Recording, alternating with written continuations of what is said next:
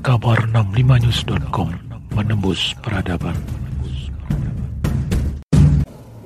Bismillahirrahmanirrahim. Assalamualaikum warahmatullahi wabarakatuh. Selamat siang dan salam sejahtera untuk kita semua. Shalom. Om Swastiastu. Namo Buddhaya. Salam kebajikan. Semoga kita semua senantiasa dalam lindungan Allah Subhanahu wa taala. Tuhan yang Maha Kuasa. Semoga kita senantiasa diberikan kesehatan, kekuatan, dan juga keberkahan.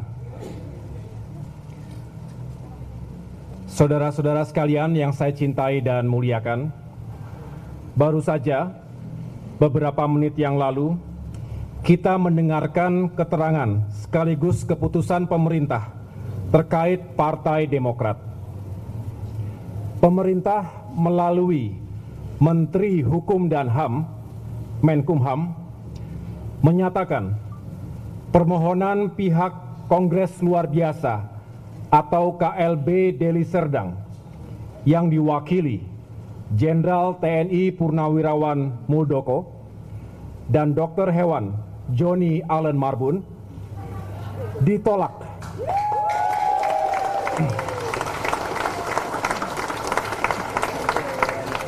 Ditolak karena gagal melengkapi berkas administrasi yang dipersyaratkan sesuai dengan batas waktu yang telah diberikan. Salah satunya adalah tidak menyertakan surat mandat dari para ketua DPD dan DPC sebagai pemilik suara yang sah kepada para peserta KLB yang hadir. Alhamdulillah, kita bersyukur kepada Allah Subhanahu wa Ta'ala, Tuhan yang Maha Esa, bahwa apa yang telah diputuskan oleh pemerintah hari ini adalah penegasan terhadap kebenaran, legalitas, dan konstitusionalitas Partai Demokrat terkait kepemimpinan, kepengurusan, serta konstitusi partai, yakni AD dan ART Partai Demokrat yang dihasilkan oleh Kongres kelima Partai Demokrat 2020 yang lalu. Yang berkekuatan hukum tetap dan telah disahkan oleh negara. Artinya, tidak ada dualisme di tubuh Partai Demokrat.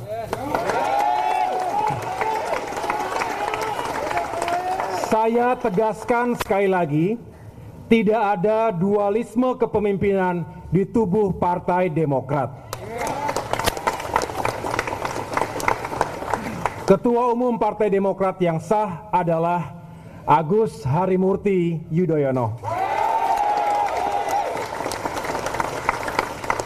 Atas pernyataan pemerintah itu, dengan kerendahan hati, kami menerima keputusan tersebut. Kami bersyukur keputusan pemerintah ini adalah kabar baik, bukan hanya untuk Partai Demokrat, tetapi juga bagi kehidupan demokrasi di tanah air. Alhamdulillah, dalam kasus ini, hukum telah ditegakkan dengan sebenar-benarnya dan seadil-adilnya.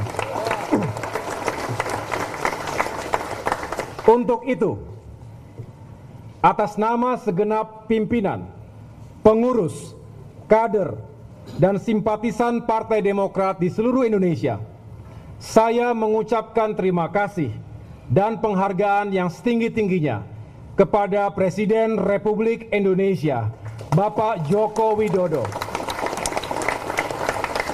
yang telah menunaikan janji pemerintah untuk menegakkan hukum dengan sebenar-benarnya dan seadil-adilnya dalam kasus KLB yang ilegal dan inkonstitusional ini.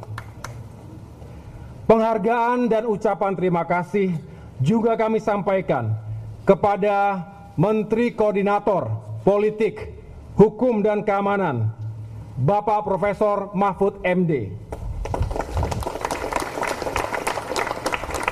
Terima kasih dan penghargaan juga kepada Menteri Hukum dan HAM, Bapak Yasona Lauli.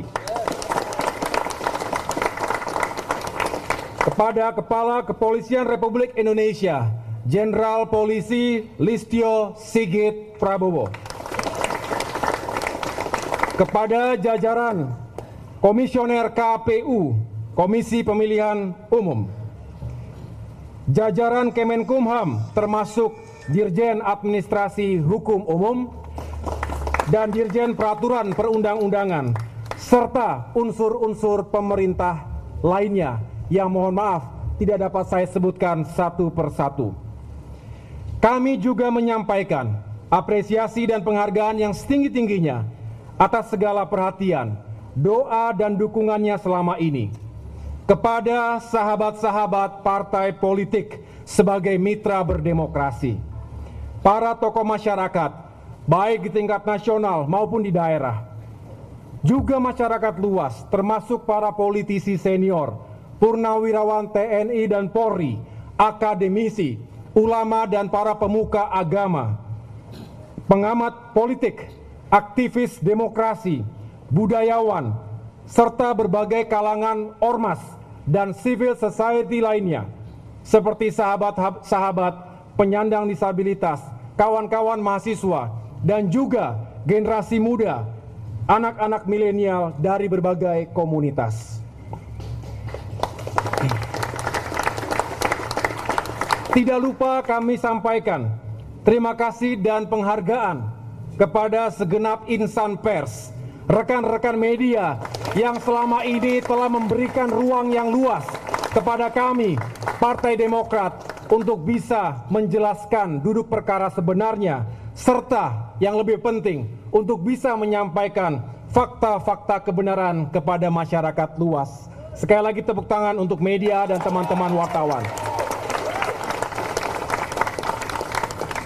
Secara pribadi, saya juga mengapresiasi dan menyampaikan penghargaan yang setinggi-tingginya atas kesetiaan, loyalitas, soliditas, kerja keras dan dedikasi yang luar biasa dari para pimpinan dan pengurus partai mulai dari DPP, DPD, DPC, DPAC, ranting sampai dengan anak ranting. Termasuk organisasi sayap partai DPLN, dan seluruh kader dan simpatisan Partai Demokrat di seluruh Indonesia. Secara khusus kepada seluruh ketua DPD dan ketua DPC sebagai pemilik suara yang sah yang telah menjaga integritasnya dalam mempertahankan kedaulatan, kehormatan dan eksistensi Partai Demokrat di 34 provinsi dan 514 kabupaten dan kota.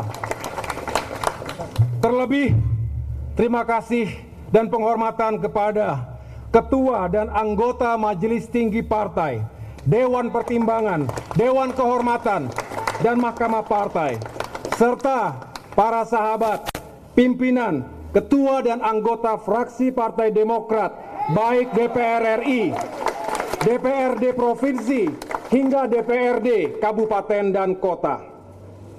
Selanjutnya, saya juga menyampaikan penghargaan kepada sejumlah ketua DPD dan DPC. Ini secara khusus kepada mereka yang pertama kali melaporkan terjadinya kasus ini secara langsung kepada saya. Melalui telepon dan juga layanan pesan singkat. Ini membuktikan bahwa kedekatan dan komunikasi yang intensif di antara kita menjadi kunci bagi soliditas dan kekuatan Partai Demokrat ke depan. Semoga sikap-sikap seperti ini, utamanya terkait keberanian dan kesetiaan, bisa menjadi inspirasi dan contoh yang baik bagi kader-kader lainnya untuk senantiasa menegakkan kebenaran dan keadilan ketika godaan uang dan kekuasaan dihembuskan oleh para pengkhianat partai. Loyalitas dan keberanian saudara semua mengingatkan kita pada petuah lama, fiat justitia ruat selum. Hendaklah keadilan ditegakkan walaupun langit akan runtuh.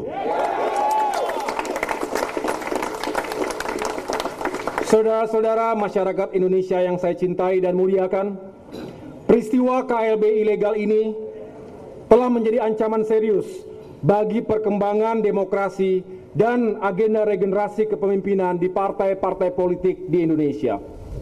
Kita tahu bahwa jalan untuk memperjuangkan demokrasi memang tidak mudah. Membangun partai juga tidak mudah, membutuhkan kerja keras, keringat, air mata kegigihan dan kesabaran untuk sama-sama membesarkannya. Sementara itu, tidak sedikit orang-orang yang berusaha mencari shortcut, jalan pintas, menjalankan segala cara, menghalalkan segala cara, termasuk melakukan pembegalan dan perampokan partai politik dengan cara-cara yang tidak etis, ilegal, dan inkonstitusional. Sementara itu, dalam situasi perkembangan teknologi informasi dan komunikasi dewasa ini, kita tahu fenomena dan ancaman post-truth politics juga terus membayangi demokrasi kita, di mana kebohongan yang diulang-ulang bisa dipercaya oleh sebagian masyarakat menjadi kebenaran yang baru.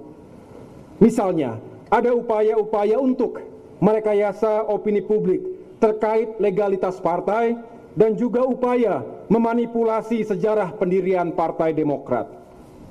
Untuk itu, sesulit apa pun, mari kita terus memperjuangkan kehidupan demokrasi yang sehat dan beradab di negeri ini. Para pemimpin, pengurus, kader, dan simpatisan Partai Demokrat di mana pun berada. Akhirnya, saya mengajak seluruh kader Demokrat untuk melanjutkan perjuangan kita Jadikan peristiwa KLB ilegal ini sebagai hikmah dan pelajaran berharga untuk meningkatkan soliditas dan menjadi momentum bagi kita untuk bisa bangkit kembali. Hindari fitnah dan hoax. Sampaikan pendapat, terutama di media sosial secara bertanggung jawab. Jangan euforia yang berlebih-lebihan. Ingat karakter Demokrat sebagai partai yang cerdas dan santun.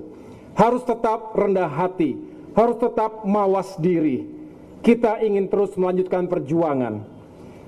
Terus kuatkan silaturahmi dan kolaborasi kita. Juga tentunya dengan segenap masyarakat sipil dan segenap elemen bangsa lainnya.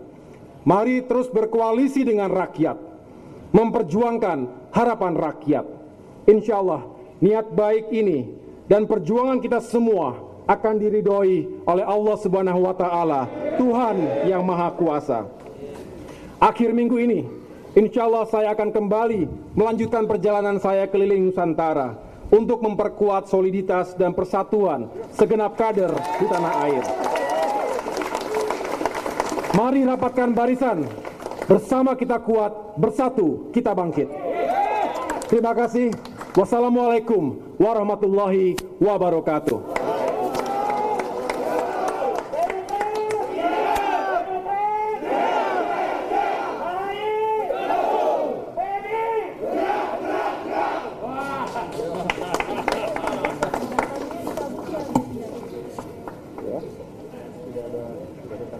kasih teman-teman.